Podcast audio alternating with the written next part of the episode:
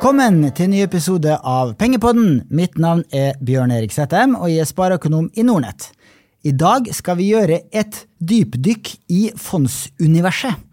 Vi skal bli litt klokere på rangeringer av fond, og vi skal stille spørsmål om indeksfondenes markedsandel vil fortsette å vokse, og mye annet spennende. Og med meg til å belyse disse interessante temaene har jeg Mathias Møttula Director of Manager Research i Morningstar. Velkommen til deg. Tack, tack.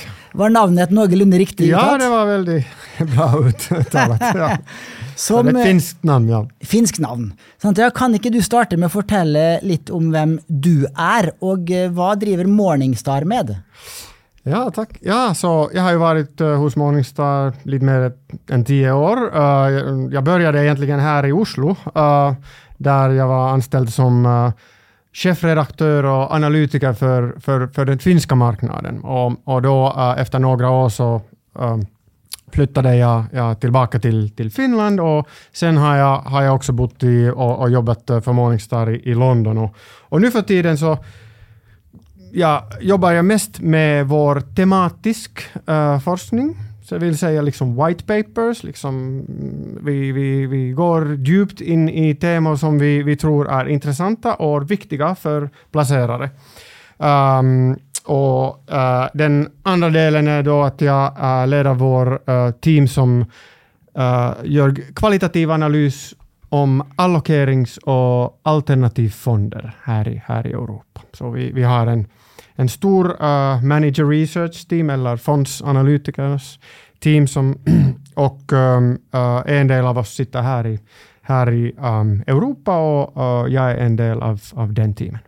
Og Morningstar er verdens største fondsanalyseselskap. Sant, ja. Morningstar eh, har ju vuxit till en, en, en, en, ett bolag med mer än 12 000 medarbetare, så den, den är ju ganska stor, listad på, på Nasdaq, har sina rötter på, på 80-talet, då amerikanerna fick sina egna eh, pensionspengar att, att eh, investera, så 401k. Och eh, ingen visste egentligen vad de borde göra med det. Och de var ehm, det var förväntning att de investerar i fonder, men det var väldigt lite fondsinformation um, uh, för uh, privatinvesterare och så vidare. Så Morningstar började samla den här informationen. Och det är liksom den databasen uh, uh, som, som, är liksom den, som var det första steget, men också att vi började um, rätt uh, i början att skriva lite uh, sådana små analyser av fonder. Like, vad gör de bra? Vad gör de inte bra? Och, och den traditionen är fortfarande med oss. Sant? Og jeg har hørt at det finnes flere verdipapirfond enn børsnoterte selskaper i verden. Stemmer det? Ja, du, jag så, tittade på Morningstars databas och jag fann uh, 290 000 uh, linjer uh, när jag sökte efter managed investments. Så det är liksom förvaltade eh, produkter. Men eh, det var 120 000 andelsklasser av aktier. Så du har rätt. Och, och antal uh, f- liksom investeringsprodukter, den ju växer ju man kan även säga våldsamt. Så att uh, för alla eh, uh, inne i industrin, det är ju en viss liksom det, det, kan vara you know, en, en challenge att, eh, att liksom handla med allt. Liksom, hur kan du däcka eller ha data om, om 100 000 uh, uh, uh, eller- och mera fonder, så, så det är något som många eh, jobbar med. Mm, Eh, før vi går över till att snakke om eh, rangeringer av fond, så la oss eh, starte litt eh, enkelt Fordi eh, nye lytterne våre. Eh, det finnes jo tre hovedtyper verdipapirfond. Det er aksjefond, og rentefond og kombinasjonsfond. Og eh, hvilke av de fondene som passer for eh, deg, eh, kjære lytter, vil jo avhenge bl.a. av ditt ønskede risikonivå og hvor lenge du har tenkt å spare. Og eh, rentefond er jo det minst risikable som investerer i rentepapirer. Der har du eh, relativt lav risiko og relativt lav forventet avkastning. Eh, aksjefond er jo eh, den fondstypen med høyest risiko. Eh, og da hvor du bør ha, bør ha lengst sparehorisont. Og som tommefingerregel sier man minst fem år. Eh, da er du temmelig sikker på at du kan få tilbake pengene sine hvis du investerer i et bredt, globalt aksjefond. Og kombinasjonsfond er jo imellom. Eh, der har du litt aksjer og litt renter, og da en mellomlang horisont, typisk. Eh, og det er også et poeng at det er et veldig strengt regelverk for å beskytte investorene og andelseierne. Eh, hva er de viktigste reglene som er til for å beskytte de som skal investere i verdipapirfonder? Ja, ja, ja, du har rätt. Uh, ja, eh, regleringen är, är ju ganska sträng, men, men, men för, för bra grund. um, och um, ja, den, den, kanske den mest kända regeln är den 5, 10, 40-regeln som, um, som säger att um, du kan inte ha mer än 10 procent i en uh, värdepapper eller aktie. Eller, du måste ha, um, du kan ha uh, du, måste inte ha, du kan inte ha mer än 40 procent i um, värdepapper som har en vikt över 5 procent. Uh, så, så, så det är liksom bakom den regeln. Och det, det ger att um, alla fonder är ju ganska diversifierade. Okej, okay, om du har en, en, en sektorfond eller så en, en, en tematisk fond som är fokuserad på teknologi till exempel, det kan vara att den den är ju ganska tätt, alltså alltid, alla de aktier i, i, i fonden uh, behöver likt, uh, eller ganska likt, men på huvudet liksom um, uh, eller generellt, fonder är ju diversifierade, så du behöver inte om du har en diversifierad fond så, så kan du leva med, även med en fond. Sant, ja. Og jeg kan jo legge til at det er jo mange regler eh, som eh, fondsforvaltere og fondsdistributører må følge. Det være seg verdipapirfondloven, verdipapirhandelloven, finansforetaksloven og ikke minst EU-regelverket med Mifid 2 og USITS-reglene. Og det sier jo blant at selv om en fondsforvalter skulle gå konkurs, så er midlene til kundene eh, sikret, for de eh, vil ikke gå med mm. i en konkurs hvis forvalteren skulle gå konkurs, f.eks. Ja, ja, de er separat fra uh, ja, fondforvalterens uh, kapital. Da kan vi snakke litt om rangeringen av uh, fond, for uh, Morningstar har jo en stjernerangering, hvor dere rangerer fond fra laveste score er én stjerne, og høyeste score er fem stjerner. Um, og de med høyest score har jo da slått indeksen og slått andre sammenlignbare fond innenfor samme kategori. Uh, kan du forklare på en forståelig måte hvordan regner dere, hvilke kriterier legger dere til grunn? Ja, så den, så den Morningstar rating, eller den eh, stjärnbetyg eh, som du eh, pratade där om, den är ju baserad på risiko justerad avkastning av uh, uh, en fond um, uh, mot sina konkurrenter eller, eller liknande fond som ligger i samma kategori. Och den Morningstar-kategorin är, liksom, det är ju väldigt viktigt för oss. Alltså, så vi vill att, att i en kategori om det är uh, norska aktier eller uh, europeiska stora eh, uh, value-aktier, att, att, att, det, att det i, i kategorin är bara fonden som, som, som, som, som följer de, den definitionen som har givit till fonden. Så det, det, är något som, som har en kvalitativ element. Men då när vi börjar kalkylera de här uh, kärnor eller uh, ratingen, det är ju verkligen att vi vi, vi, vi, vi kalkylerar den äh, uh, riskjusterade um, ähm, avkastningen för 3, 5 och 10 år. Och de som har en bäst score, de får uh, fem stjärnor och de som är sämst i kategorin, de har en stjärna. Och varje månad repeteras den här processen. Så du måste ha en treårshistorik att få stjärnor. Så, så, så det är någonting som um, um, är viktigt när, när fonden kommer till, till den treårsgränsen. Det är ofta väldigt spänt uh, vilket blir den Morningstar-ratingen då. Sant? Og hvis et fond har mer enn t- t- t- t- tiårshistorikk, eh, legges det like stor vekt på treårsavkastningen som fem og ti år, eller er det eh, de tre siste årene som teller mest? Ja, de tre sista åren har, har alltid en, en, en hög vikt, men om, de har, om fonden har en historik mellan tre och fem år, så det är bara den treårs uh, eh, ratingen som tas uh, i, i, i, i hänsyn. Då om den har historik mellan fem och tio år, så det är en balans mellan fem och, uh, så, så, uh, tre och fem år. Och då efter tio år så är det en, en balans, det finns en, en, en formula där för tre, fem och 10. Men i alla fall på slutet så har den uh, de sista tre åren är viktiga. um, och det, vill också, uh, det också betyder att Alltså, det, är- det, det är naturligtvis väldigt svårt för en fond att, att hålla fem stjärnor för år efter år efter år. Det finns några fonder som gör det, men, men, men det kommer också perioder i marknaden där, där alla fonder har svårigheter. Så det kan, Og jeg kan legge til at hvis du går inn på den fliken, jeg tror det eh, historikk, så kan du se hvor mange stjerner fondet har siste tre år, siste fem år og siste det. ti år. Ja, ja. Og da kan du se et avvik eh, fra Ja, den stjernen som vises på den første siden. ja, Eh, og eh, på Nordnett eh, sin plattform så kan man også se antall stjerner, og da kan man jo rangere fondet etter antall stjerner innenfor den regionen eller den sektoren du er interessert i. Eh, Og da kan du få en pekepinn på om fondet har eh, gjort det bedre enn sammanlänkbara sammenlignbare fond, eller dårligere. Men det er jo veldig viktig når man snakker om eh, slike rangeringer. Dette er bare basert på historisk avkastning.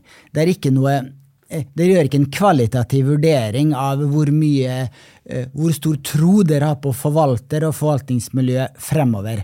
Så har disse fondene vist, eller disse stjernerangeringene, har de vist seg å ha noen predikativ evne? Er det slik at fire- og femmerfond fortsetter å slå eh, markedet? Uh, så vi, vi har gjort flera studier och det är också många akademiker, uh, många studenter som har gjort också studier om Morningstar-stjärnor. Och, och vi, har, vi ser att det finns en, en knytning, en, en, en, inte ens, alltså en, inte kanske en, en svag, men en, en, en korrelation som, som, som man kan påstå mellan höga stjärnor och be, bättre um, riskjusterad avkastning. Men som sagt... Frem, framtiden, framöver, ja, ja, ja. ja. Um, men som sagt, um, det, um, det är ingen garanti naturligtvis. Uh, um, och uh, när du har fem stjärnor, du kan bara hålla fem stjärnor eller komma ned. det, det är inte möjligt att, eh, att ha, ha en bättre rating, så det är inte- också någonting som spelar en roll där. Men ja, det, det, vi har um, sett att ja, den ratingen uh, kan liksom arrangera fonder med sin framgående, um, framåtblickande blickande um, ja, resultater. Jeg så også et sted at det er spesielt altså, Det er høyere korrelasjon mellom de dårligste fondene. At de fondene som presterer d- d- d- d- dårlig og har da én eller to stjerner, de fortsetter gjerne å prestere dårlig. Det finns, det finns som sagt många, många studier och de resultaten som jag beskrev här var um, uh, främst uh, om en studie som vi gjorde under årsskiftet nu uh, på den internationella marknaden, alltså utanför uh, USA. Men du har ett, ja, det, det finns också sådana resultat. Och det beror lite, på, lite också på, på kategorin. Og så har dere også noe som heter Morningstar Medalist Rating, hvor en rekke fond får eh, en medalje, enten bronse, sølv eller eh, gull. Og, der er, og, og den eh, medaljerangeringen er ment å ha predikativ evne, altså fremoverskuende Ja. verdi. Ja, så, så att, att liksom, om, om Morningstar rating som vi just snackade om, den, ja, vi, vi alltid säger att det är bra när du gör din, din analys om en fond. Det, det, det är väldigt viktigt att se, okej, hur har den gått i, i historiken, alltså vad har förvaltaren gjort? Men ehm, det är saker som den där uh, ratingen kan inte se, som till exempel att en förvaltare har, har gått, har, har uh, switchat till, en, till en anna, eh, ett, annat bolag eller uh, fonden har um, förändrat processen eller det finns något annat, till exempel även om den har höga kärnor, att det finns något som, som gör uh, grund att tro att i framtiden uh, den ska ha det svårare. Och det är just den här mer, uh, så en, en, en mer generell, mer djupare bild som vi vill ge med, med vår uh, Morningstar Medalist Rating. Så den den är kvalitativ eller baserad på en kvalitativ metodologi. Så våra analytiker, de ser på vem förvaltar fonden, vad slags resurser har de, vad slags erfarenhet har de, uh, vad är um, incitament av, av teamet och så vidare och ger en score för people och det är 45 procent av hela uh, uh, vikten. Då gör, tittar de på, på process, som är liksom investeringsprocess. Okej, okay, hur förvaltar teamen den här fonden? Är det någonting som, som kan repeteras lätt? Är det någonting um, som är differentierade, uh, uh, som gör en, en, verkligen en möjlighet för fonden att, att slå indexen? Det är ju det vi vill, vill, vill, vill, vill uh, analysera. Och vad har eh, fonden haft för resultat? Så, så vi knyter tillsammans den historiken med det som är i portföljen, de resurser de har och då ser även på den parent, alltså den um, bolaget bakom fonden. Har de liksom en långsiktig um, credo, alltså jobbar de långsiktigt, till exempel om en förvaltare har två, tre svåra år, uh, blir det spark oft, uh, oftast, eller är det någonting att okej, okay, det bara en de, det bara, sånt är bara en del av aktiv förvaltning. Att det kommer svåra perioder och vi måste bara jobba genom detta. Så vi vill liksom ha, vi tror att fonder från sådana långsiktiga äh, äh, sällskaper är, är, är bättre. Så alla de här tillsammans, 45 procent, 45 procent, 10 procent, så får du en score. Och då, det ger e, en idé av en bruttoalfa, det vill säga vad är fondens eller strategins äh, möjlighet äh, enligt oss att slå indexet. Och efteråt, så efter det så tittar vi på, på, på kostnader och den ger då uh, oss en, en, en rating som är från guld, som är bäst, till negativ som är värst. Så ja, så det är en, en, en framåtblickande metodologi och det är någonting som våra analytiker gör. Men uh, för att uh, kasta in ännu en eh, ett litet liksom, ny sak som vi har liksom, byggt in i den här medalistratingen är att vi, vi, har, vi, vi vet att även om vi har mer än 100 analytiker, vi kan bara däcka några tusen uh, strategier. Och i, i, i världen som, som vi, vi, vi pratade här, det finns tiotusentals uh, fonder även i Europa. Så vi har en kvantitativ uh, metodologi som brukar machine learning för att liksom uh, uh, liksom emu emulera eller kopiera eller efterlikna det som en Morningstar-analytiker gör och ge liksom maskinens best guess av hur skulle uh, ratea den här fonden. Mm. Nettopp. Og eh, Eh, disse medaljerangeringene, har de hatt predikativ evne? Er det slik at det lønner seg eh, på lang sikt å kjøpe et eh, gull- og sølvfond fremfor et fond som har negativ rating?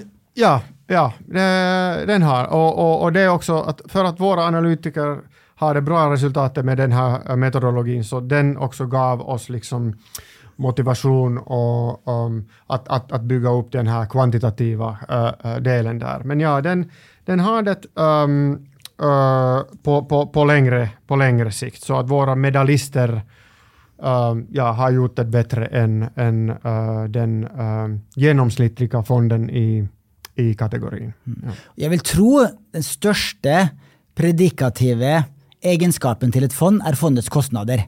Har fondet lave kostnader, som da fortrinnsvis gjelder indeksfond, så eh, har du stor sannsynlighet for at du vil slå hele fondskategorien, versus et fond som har 1 eller 2 årlig forvaltningskostnad.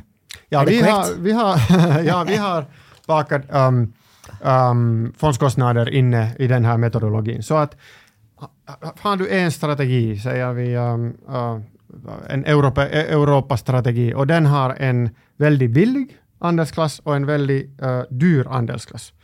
Så vi liksom när vi har kalkylerat vår estimation av brutto alfa eller brutto mervärde som, som fonden kan innan uh, före kostnader producera, så då tar vi ut av det kostnader. Och för den väldigt uh, billiga uh, uh, andelsklassen så kommer det en, en, en högre Uh, att mekaniskt en, en högre rating och det är ju naturligt. Så kostnader spelar, spelar en väldigt stor roll och jag tror det, det är ju Morningstar som har varit, har, har haft en, en stark röst eh, i den här diskussionen över, över åren. Mm.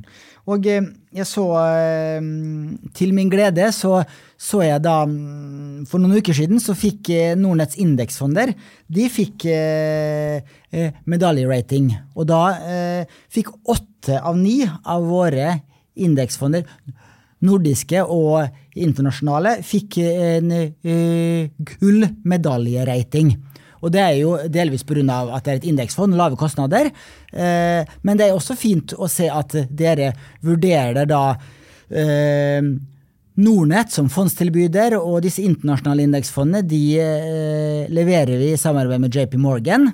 At dere også eh, rangerer eh, fondsforvaltningsmiljøet og denne prosessen eh, høyt oppe.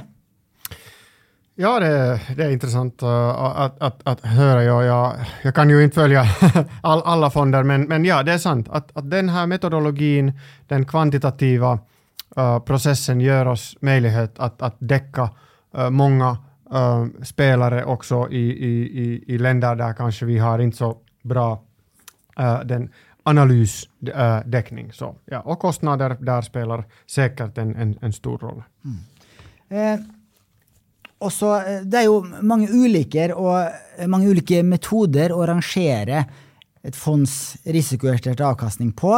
Eh, du har fortalt litt om Morningstars stjernerangering, som ser på risikojustert avkastning sammenlignet med andre fond i samme fondskategori. Og du har også en populær metode som er sharp ratio, som vel også er noe av det samme. Se på risikojustert avkastning der òg. Och så har du information ratio. Det är ju ett tredje mål för att måla ett fonds avkastning. Det väsentliga skillnader på dessa målen eller ger de i stort sett de samma resultaten? Alltså, sharp ratio, den um, Det är ju ett en, en, ett nummer um, som, som, som, kommer ut, liksom 0,7 eller 1,5. Och det är just det med Morningstar rating som vi försöker att göra är att ge liksom någonting som är kanske lite lättare att förstå, liksom. en till fem stjärnor och, och den relativ um, uh, perspektiv. Sharp ratio är väldigt nära till uh, Morningstars risk adjusted return som är bakom uh, uh, våra stjärnor. Men, um, men, men medan vi tänker att risk uh, negativ risk, alltså risk, uh, det vill säga uh, perioder där fonden har, gjort det väldigt, uh, eh, har haft väldigt negativ avkastning. Den borde ha större vikt för att när vi tittar på forskning om hur um, placerare tänker, de har, de har liksom större smärta av en 10 uh, förlust än den glädje som kommer från en 10 vinst. Mm. Så det, det är där att, att sharp ratio är liksom, den, all risk är, har samma vikt och vi har lite mer vikt på den negativ uh, risk. Så det är den skillnaden mellan oss och, och, och sharp. Och information ratio då, det är någonting som kanske brukas mer av institutionella uh, förvaltare. Det är mer teknisk och den uh, är knutet till fondens aktiv risiko. Så ju mer du tar aktiv risiko och, och går vägg mot, väg från indexen, alltså din, din egen väg så att säga. Uh, du må, måste också då ha bättre resultat och, och det, information ratio är då um, uh, liksom målsättning för, för, det. Men vi brukar information ratio inte så mycket i, i vår analys. Med liksom Morningstar Risk Adjusted Rating för att förstå vad fonden har gjort, Sharp Ratio på, på, och några andra. Mm. Jeg ser også at dere kan velge en annen referanseindeks enn det forvalter har valgt selv. Eh, så det f.eks. med eh, DNB Teknologi, som vel er det største aksjefondet, norskforvaltede aksjefondet, eh, der hvor de har en kombinasjon av MSA, World Information Technology, og denne HMT-indeksen med kommunikasjon og media. Mens dere har bare valgt å se på Uh, World Information Technology Index. Ja, ja okej. Okay, ja, ja, men vet du, det, det, det är ju några grund uh, för det, men en är att vi liksom väljer en index för varje kategori. Och då, då kan vi liksom, det, det, är något där vi, har, vi vet att vi har data, det är någonting som är liksom en bra liksom målsättning för fonder i, i, i den kategorin och det, de indexen um, Eh, då brukas för alla de uh, kalkyleringar som, som, som vi gör som, där vi brukar en index. Uh, många, jag tror i, i Norge eller i Finland, så förvaltare ger ju de är ärliga, jag hoppas och, och vet, och de, de ger en index som verkligen passar den marknaden där fonden investerar, men skulle vi säga det är inte alltid så och inte i historiken har det alltid varit så. Så det, det är fonder som ger en index som är lättare för dem att slå. Um, så för, för, oss att ha en index som vi känner till, det är samma för alla, det är liksom en, en bättre um, lösning än, än, att ha en personlig in, index så att säga för varje fond. Siden jeg har en av Europas fremste fondseksperter her, så må jeg spørre deg litt om syntetiske fond. For det er noe som de færreste kjenner til. Og jeg ble kjent med det her for en to-tre år siden, når, når eh, uh, Nordnett lanserte internasjonale indeksfond. Nordnett indeksfond global, ESG, Europa, USA, emerging markets och og teknologi. Eh, I samarbeid med JP Morgan. Så eh, endte vi opp med å lage en syntetisk replikering av disse indeksfondene. Eh, det som er mest vanlig, er en fysisk replikering. Det er det de fleste fondsforvaltere har, hvor forvalter eier enten alle aksjene i indeksen eller de fleste aksjene i indeksen. Men med en syntetisk replikering så bruker forvalteren eh, swap-instrumenter for å få eksponering mot den relevante indeksen. Och då, eh, grunden till att vi och JP Morgan har gjort detta, det är det är normalt lavere kostnader för förvaltare. Det har lite med skattehänsyn att göra, kildeskatt. Och så är det eh, också goda möjligheter för att få mindre avvik från indexen, alltså lavere eh, tracking error. En ulempe med syntetiske fond er at du har en potensiell motpartsrisiko, men dette er veldig strengt regulert i USITS-regelverket, for det er et USITS-fond, slik at man må stille sikkerhet for eh, de verdiene. Selv om man ikke har de fysiske aksjene i indeksen, så må man ha andre fysiske aksjer eller obligasjoner eh, som sikkerhet. Eh, har du noen sterkt syn på eh, syntetiska fond, är det lika bra som fysiska? Är det, mm, ja, vi, vi, vi har en, uh, i, ja, jag pratade också med, med, med våra uh, indexspecialister uh, eller, eller uh, passivspecialister. Och, så vi, vi har ju ingen um, stor um, åsikt eller preferens för en eller för annan. Det som man, vi ser på marknaden är att fysisk replikation är mer populär. Um, och uh, det är ganska sällan att vi ser liksom investeringsfonder, alltså open-ended-fonder som, som ni har som uh, är syntetiskt uh, replikerande. Så, så det, det är en intressant uh, lösning. Men um, det finns några tekniska saker som är knutet till det här och jag tror i Nordnets case så det är ju viktigt att, um, att förstå vad, alltså den fonden investerar ju eh, mot, med en swap i, egentligen i en, i en indexexponering. Okay, vad innehåller den där indexen? Vad är den ESG, liksom politiken av indexen? Men den andra delen är också att, att den fonden då, för att den har den swappen, den har ju en slags av um, garantikorg uh, eller portfölj uh, som coll uh, collateral och, och det att vad innehåller den Uh, har den också samma ESG liksom kriterier och så vidare? Det är någonting kanske som en placerare skulle vara intresserad i. Ja. Och jeg tenkte ikke på det spørsmålet før du stilte meg det for et par dager siden. Da sjekket jeg med vår eh, fondsavdeling i Sverige, og de sier det at eh, når det gjelder säkerhetsmassan sikkerhetsmassen i våre syntetiske indeksfonder, så gjelder USIS-regelverket for diversifisering. Eh, det gjelder også den samme eh, ESG-screeningen gjelder også for den sikkerhetskurven som stilles. Eh, og eh, hensyn til likviditet og large cap og sånn er også eh, tilfredsstilt. Eh, så da må jeg svare ja på det spørsmålet også, at det er også i orden. Mm, mm.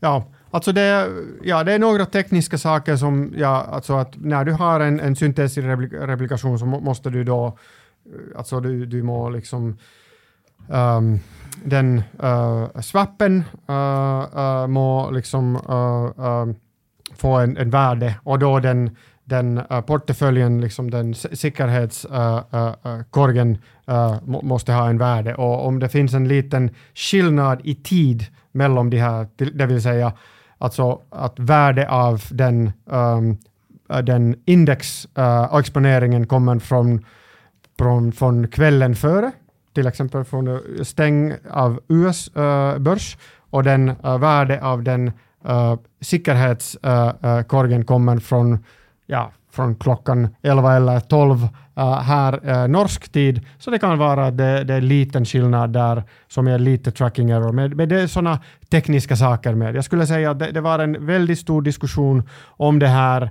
för kanske tio år sedan och regula, regulationen ja, tror jag blev lite strängare uh, och, och den diskussionen gick då lite ut och stilla.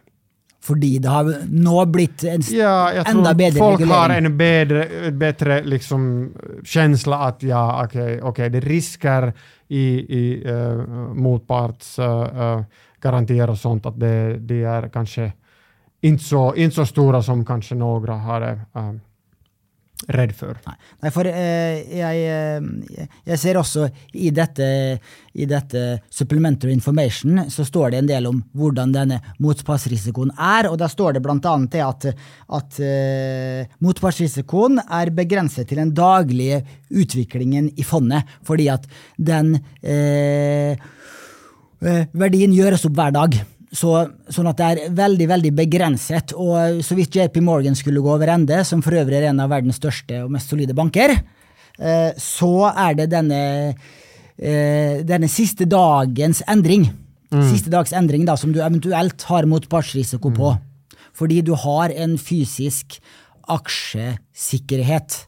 Eh, mm. i bak, ja, det, det, är saker som man måste kanske förklara till, till kunder och det, det är kanske mer enklare att ha bara en här är portföljer, det är en fysisk portfölj och, och, och, och, som, som i alla andra fonder. Men, ja, men intressant att höra allt det här. För det finns ju väldigt många syntetiska ETFer. Det är sant. Det är väldigt vanligt, men jag har inte sett så många värdepapirfond som är syntetiska. Nej, nej. Så, ja, det kan just vara det här att, uh, att ETFen är liksom prisad uh, varje minut så att säga uh, när börsen är öppen, men, medan den här liksom är prisad en gång i dagen uh, en, en, en fond. Så, så det gör att det kan vara en, en liten, uh, ja, en liten skillnad då med, med de priser och, av, av de här två portföljerna. Men det är väldigt, väldigt tekniskt. Mm. Men det är väl också riktigt att säga att det är ju eh, en viss motpartsrisiko i fysiskt replikerade aksjefond också. För att aksjefondene kan ju låna ut aktier till shorting, och då har du en motpartsrisiko. Men den minimeras ju också då vid bruk av säkerheter. Är det riktigt att säga? Ja, kanske går det lite utanför min äh, specialisering, men äh, ja, jag skulle bara säga att, eh, att det är liksom att den, den stora oron omkring syntetiska ehm, fonder och ETF, den liksom gick lite för, för, förbi. det är bara att för just att det, det, är bara mer simpelt att ha en, en, en, en, fysisk replikation, så det är därför kanske att, att många har valt att bruka den. Så bra, då ska vi över till indexfondens dominans.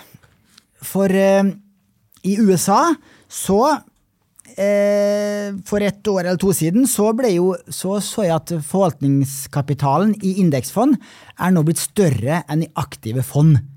Eh, och i Europa så är väl denna andelen fortsatt noe under 50 procent, men den växer stort sett i alla land jeg har sett. Så vokser indeksfondene på bekostning av aktive fond. I Norge så har vi et godt stykke bak. For der ser jeg at ved årsskiftet så ligger indeksfondandelen på rundt 26% Den er stigende, den også, men den er langt fra 50% Mens i Nordnett Norge, der er faktisk andelen 50% Så våre kunder, som da velger fond selv på fondsplattformen istedenfor å få de anbefalt fra en rådgiver i banken, Eh, de, våre kunder er mer glad i indeksfond enn den gjennomsnittlige fondskunden i Norge. Så til spørsmålet, tror du denne populariteten i indeksfond bare vil fortsette å øke, slik at den vil eh, stige langt over 50% både i USA og i Europa?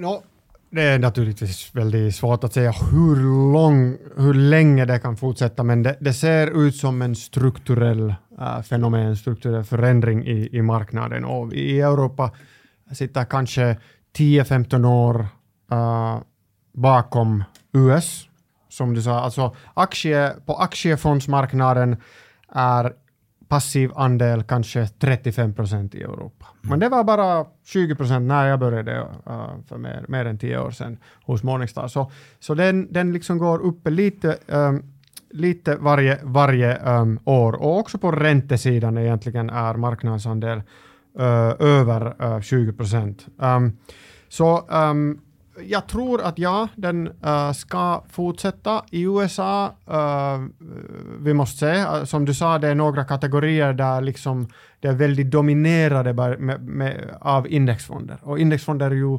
tradar kanske likt.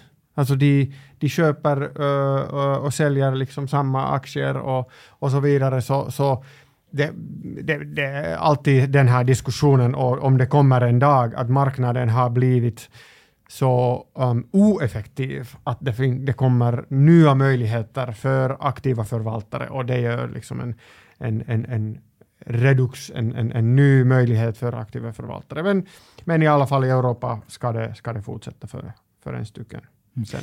Eh, men eh, kostnadene i de aktive fondene er vel på vei ned, og jo mindre forskjell det blir på kostnaden i indeksfond og aktive fond, eh, jo større sannsynlighet har de aktive fondene for å slå indeksfondene. For det er jo der eh, avkastningen før kostnader er jo ganske lik.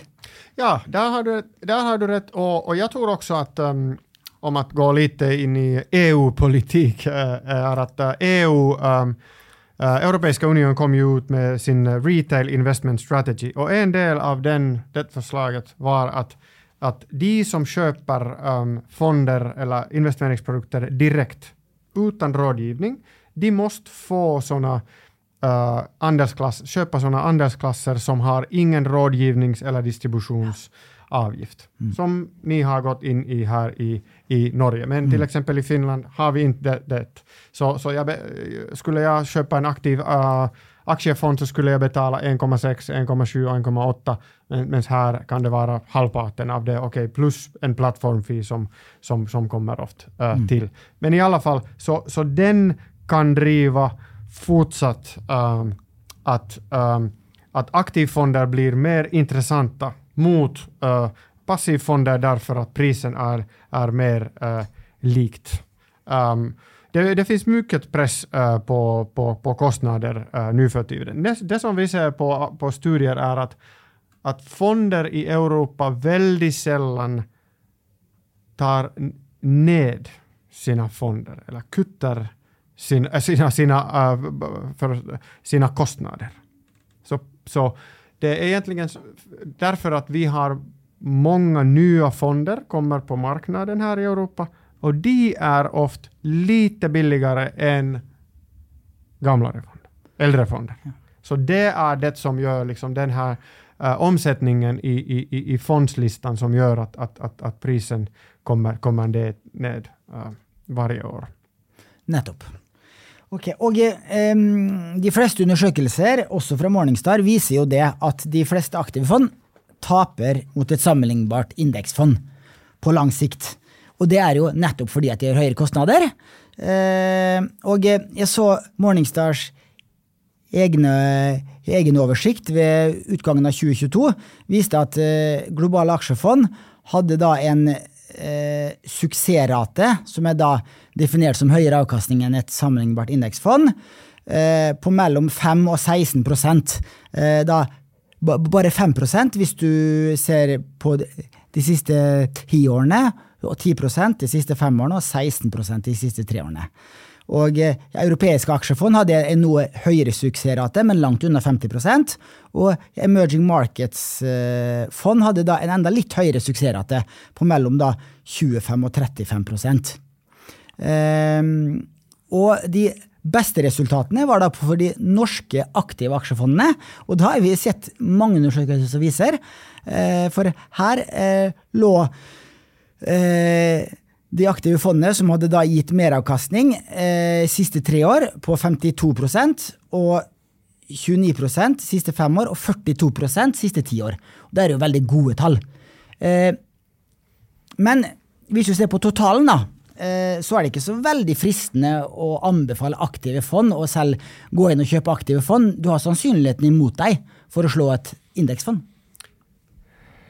Ja, så de her er jo ja, genomsnittet eller, eller um, liksom den ger den uh, generella uh, uh, bilden. Men det är viktigt att, att förstå att aktiv, alltså det, det, det, du har riktigt att, att, att um, den genomsnittliga aktivfonden ofta um, ja, kommer bakom indexfonden. Men en del av aktivfonder, det, det, är just de som vi letar efter i, i vår uh, analysteam, de kan ha väldigt, väldigt bra resultat och, och, och, och, slå indexen för, för, uh, i, i många, många uh, perioder. Så, så, den, så det är alltid en minoritet som du är efter om du investerar i aktivfonder. Just att, för, därför att kostnader är alltid lite eller eller mycket över uh, indexnivån. Det, det, det, gör också att det går inte bara att gå liksom på, på fondsbutiken och köpa en, en aktiv fond utan att se vad den gör.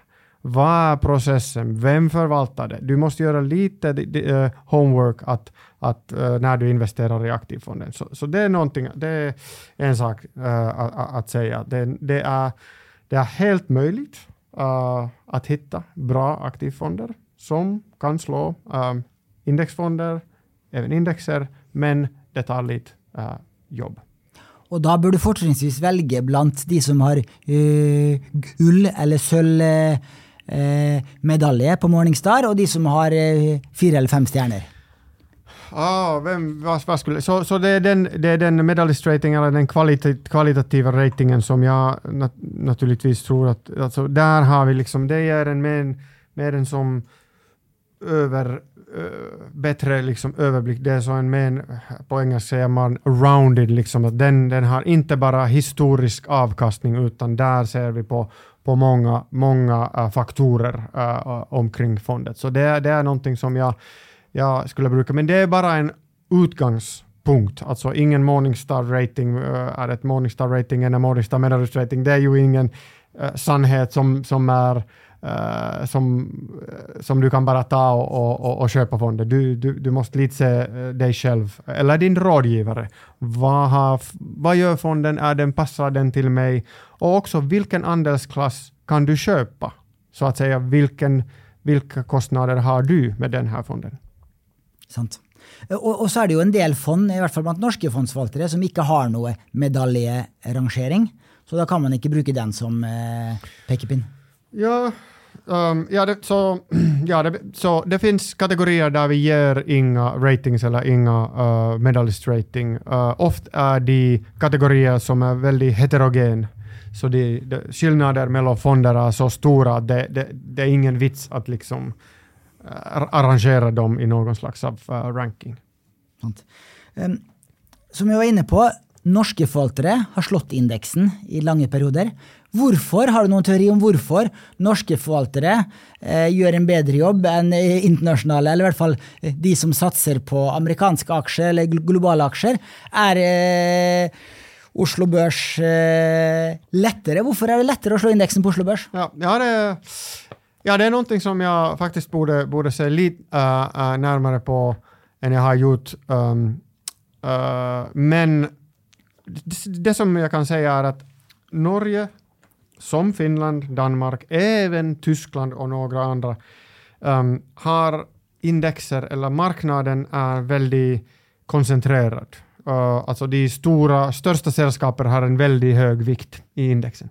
Och det vill säga att har du har du fel på de, på de största, liksom Novo Nordisk i, i, i Danmark, har du ingen Novo Nordisk och den gör bra, okej, okay, den har en maxvikt i, i, i indexen, så eh, det, det, det, du har inga möjligheter att, att, att, att, att överträffa äh, indexen. Så, så om du har rätt i de här stora poster, så det är någonting som kan hjälpa dig väldigt mycket här, men i den globala indexen, Apple, Amazon, Microsoft, jag tror de har bara en vikt av 3-4 procent eller så. Mm. så. Så, Och du kan ta som fondsförvaltare, du kan ju ta 10 procent av äh, ett namn. Så, så det är någonting. En annan sak är att um, Ja, alltså det, i, Norge det finns ju, um, i den norska kategorin så vi har ju alla fonder, så vi har, vi har fonder som också som investerar mest i små Uh, uh, small caps eller, eller mid caps. Uh, de är med i samma kategorin och det kan vara att uh, när, det finns, när det har varit en period där den där stilen har, har, har, har gjort det bra så kan det hjälpa uh, sådana fonder lite. Men stort sett jag tror det kommer från den um, från den koncentrationen och, och kanske också att, att här liksom uh, det kan vara att, att förvaltare har, har um, en bra koll på, på, på vad, vad de investerar i. Ofta är det de här strukturella frågor de som förklarar äh, skillnader. Sant. Eh, en annan förklaring jag hört är att uh, Oslo Børs är ganska lite marked, som du är inne på. och eh, och det är inte så effektivt och så perfekt som det stora amerikanska marknaden. Så det är en eh, en informationsfördel da, å sitte som forvalter med det kontaktnettet du har. Ja, ja small caps, uh, mid caps, alltså den Alltså det finns inte så många analytiker som följer de här uh, nordiska små eh, uh, SMID-sällskapen, uh, så, så det är någonting som, som kan hjälpa förvaltare här. Som du sa, alltså amerikanska large cap blend, alltså de stora uh, aktier uh, som har ingen stor stil, uh, orientering, de, uh, alltså den marknaden är ju väldigt, väldigt effektiv. Och det är just det som du pratade där om mm. när, du, när du gav de talen. Ja, sånt. Um, och um, jag hade en samtale här med Robin Wigglesworth, Financial Times-redaktör.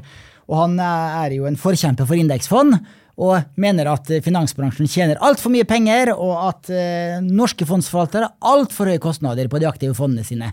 Så sa jeg da at jeg har lest Morningstar-rapporter før, hvor jeg så at eh, norske fond er ikke spesielt høyt priset i europeisk sammenheng.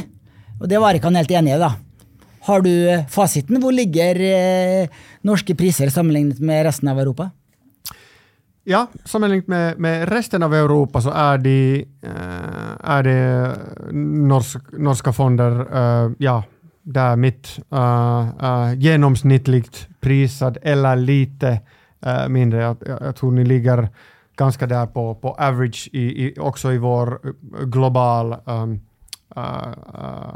rapport om, om, om, um, om kostnader. Men men det finns några länder, till exempel USA, uh, eh, uh, eh, Holland uh, och UK, som har mycket lägre kostnader än det som vi betalar i Norden till exempel.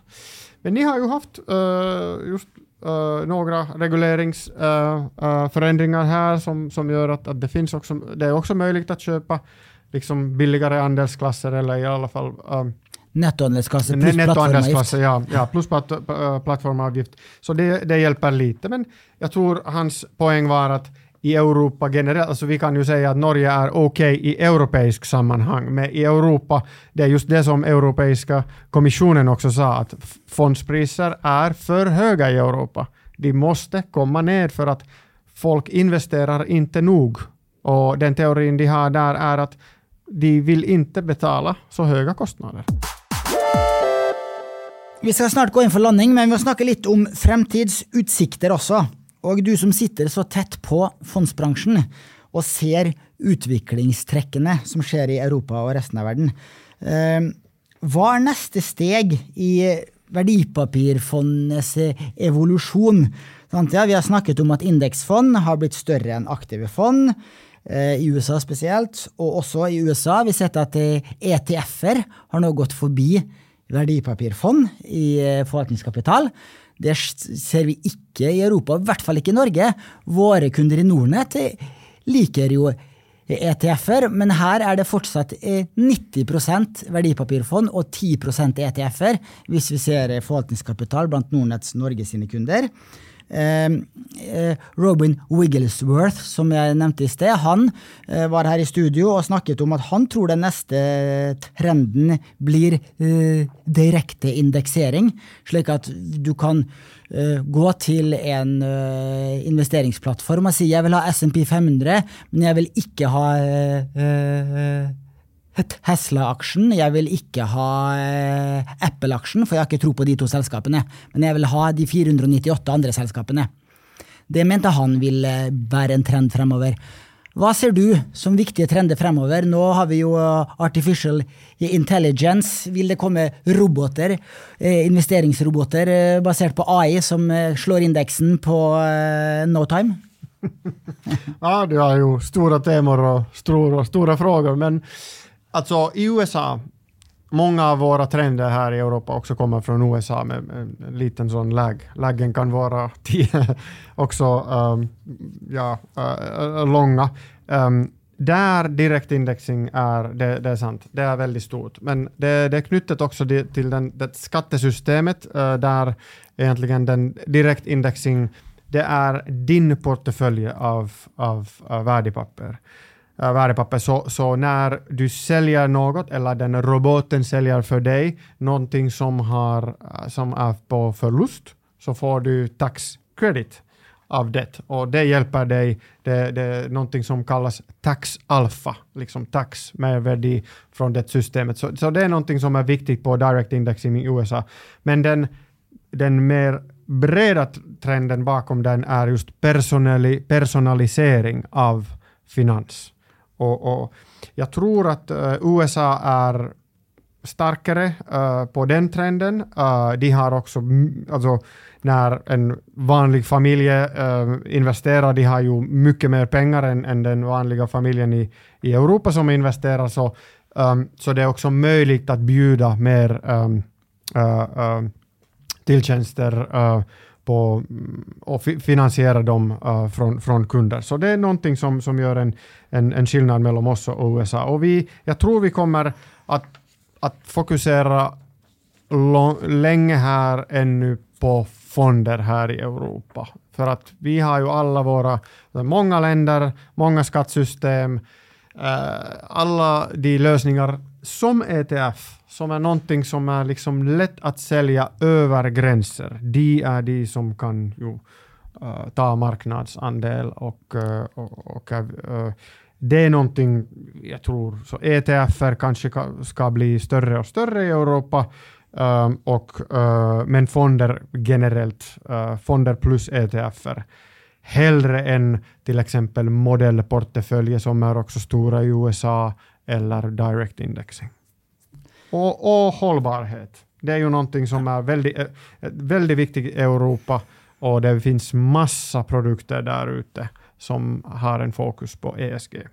Mm, mm. Eh, vad om AI? Vill AI revolutionera fondsbranschen? Det är, det är, det är superintressant. Eh, alltså, det, det, det, måste vara så att, att, jag vet inte exakt hur du kan integrera AI i din uh, rådgivningsprocess, men den den ska ju hjälpa uh, även våldsamt. Uh, för det, det, är ju någonting som kan liksom leta efter information, kan, kan ge någon äh, svar, um, eller i alla fall svara, um, svara um, um, ta liksom uh, um, i investeringsprocessen, det är liksom någonting lite annat. Om du frågar om liksom ChatGPT eller OpenAI kan hjälpa uh, en fondsförvaltare slå indexen. Jag tror det, det, det, kan hjälpa på det sättet att det, det, det kan bli lättare att hämta information och analysera det snabbt. Uh, det, det är någonting som, som säkert uh, ska förändra livet för förvaltarna. Mm. Men om det, om det kommer en robot som kan slå indexen, ja, jag tror det, det är många som har försökt att, uh, att bygga upp modeller. Jag såg det och, och, och jag såg en eh, är det AIEQ, den heter den eh, ETFen som är baserad på uh, IBM sin uh, Watson uh, Machine Learning AI-maskin som har nå fem års historik och den har tappat väsentligt mot indexen i den perioden och den skulle ju plocka de bästa sällskapen baserat på AI-teknologi och skulle analysera det som blev sagt om sällskaper i sociala medier och uh, eh, många, många datakilder. Det har inte varit någon succé hittills i alla fall. Ja, det, alltså, vi följer ju också många systematiska um, strategier och, och där, um, alltså de, de har ju data scientist efter data scientist och de har uh, mängder av data som man kan inte drömma om men uh, fortfarande, det, det är naturligtvis det är väldigt svårt för att marknader är de, de förändrar sig, det, det, det kommer saker som ingen kan uh, uh, vänta, uh, som, som pandemin, som kanske kriget i, i, i Ukraina, världspolitik, allt sånt. Så det finns alltid saker att analysera för oss människor i alla fall. Mm. och du, du, sa också att du jobbar mycket med tematiska investeringar. Mm. Ser du en tydlig trend där, att det blir mer tematiske fond, att mycket pengar går in där. Vi har hört om AI, vi har ju en 5-6 AI-ETF-er på Nordnet-plattformen. Vi ser en litt økende i, i, i, i, intresse där, för en del av våra kunder köper de fondene och ETFerna som har steget mest de, de siste tre månaderna eller de siste tolv månaderna. Och då är det ofte slike spisse tematiska eh, instrumenter som blir köpt. Blir det en större del av eh, fondsmarknaden om fem, tio år? Ja, eh, jag, just, eh, jag korrigerar bara på det sättet att jag, jag jobbar med vår liksom, tematisk um, forskning, det vill säga liksom våra såna um, större um, forskningspapper.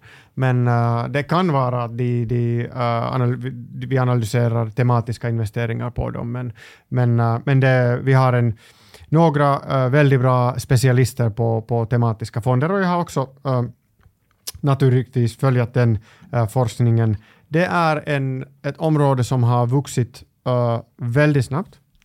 Den har nu en, en tydligt högre andel av aktiefondernas marknad liksom, um, än, än bara fem år sedan. Så, mm. så att den har blivit en del um, av, av den investeringsmarknaden, inte bara en, en sån trend som kommer och, och, och, och, försvinner. Um, och jag tror det är naturligt därför att uh, det är väldigt många bolag som Alltså de här tematiska fonder, de, ju de investerar ju över sektorgränser ofta. ofta. Och, och många stora bolag idag, Apple, Amazon, uh, uh även Microsoft, Tesla, vilken sektor uh, borde de uh, vara i? Är det, är det teknologibolag? Är det uh, konsumentbolag? är det Kommunikation. kommunikationsbolag och så vidare? Så, så det är väldigt naturligt att,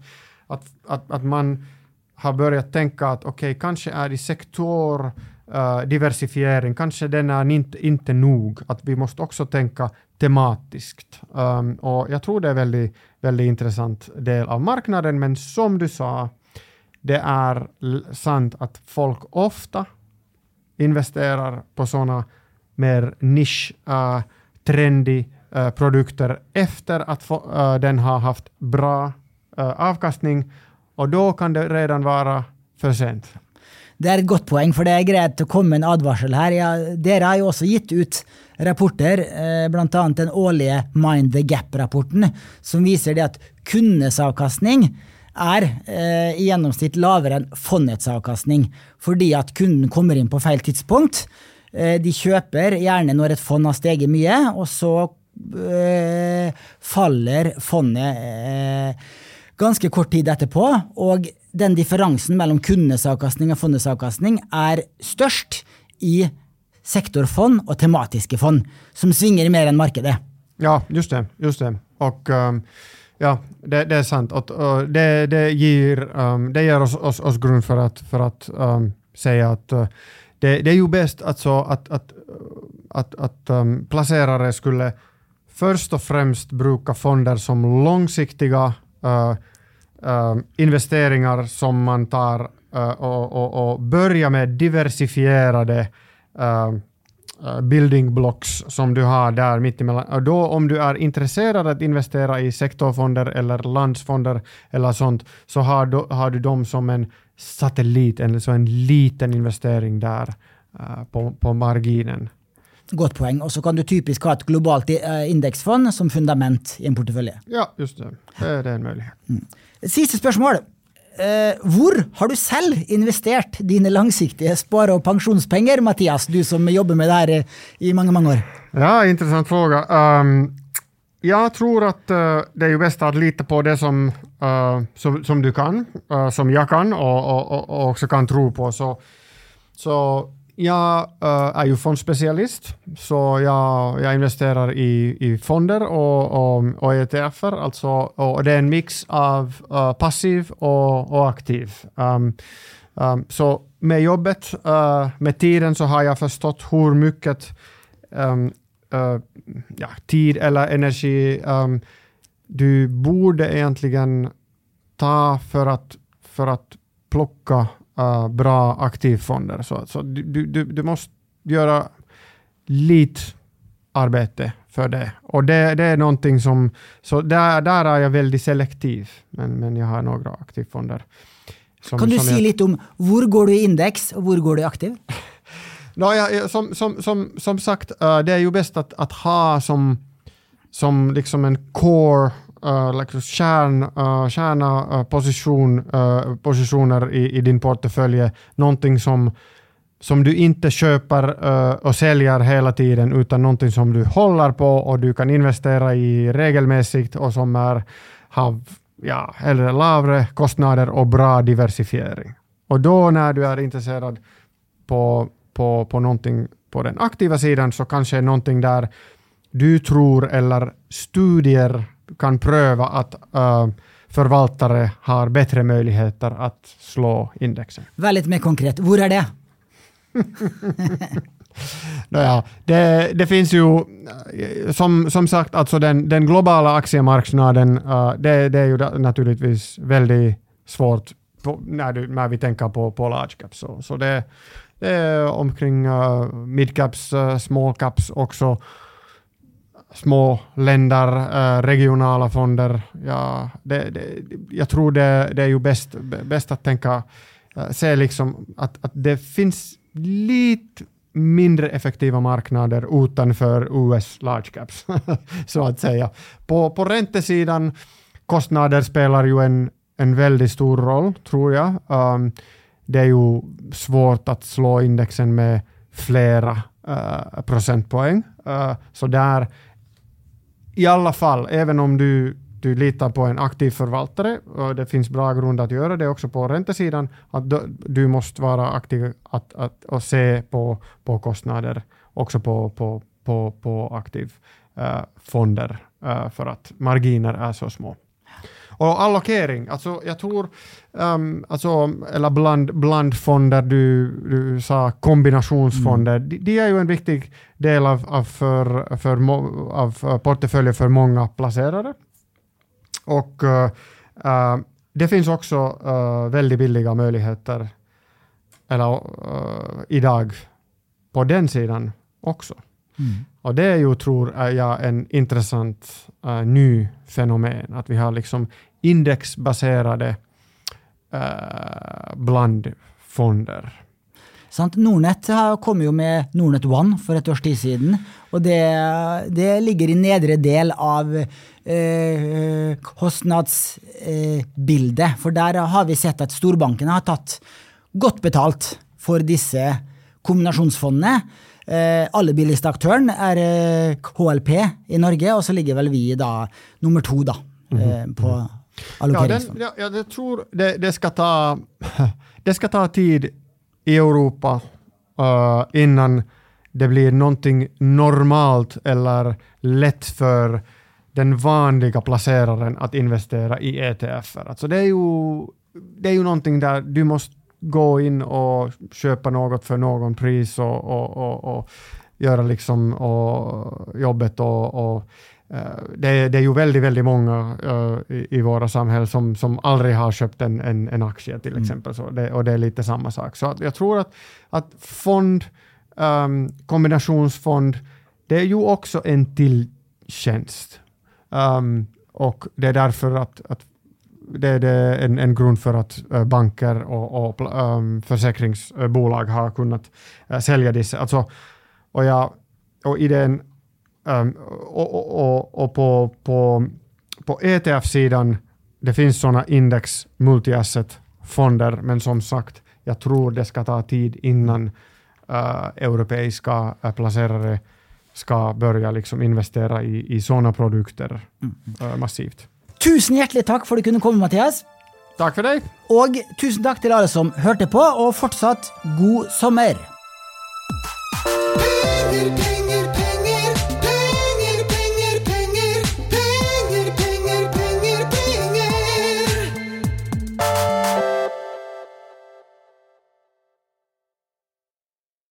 Denne podkasten skal anses som markedsføringsmateriell og innholdet må ikke oppfattes som en investeringsanbefaling.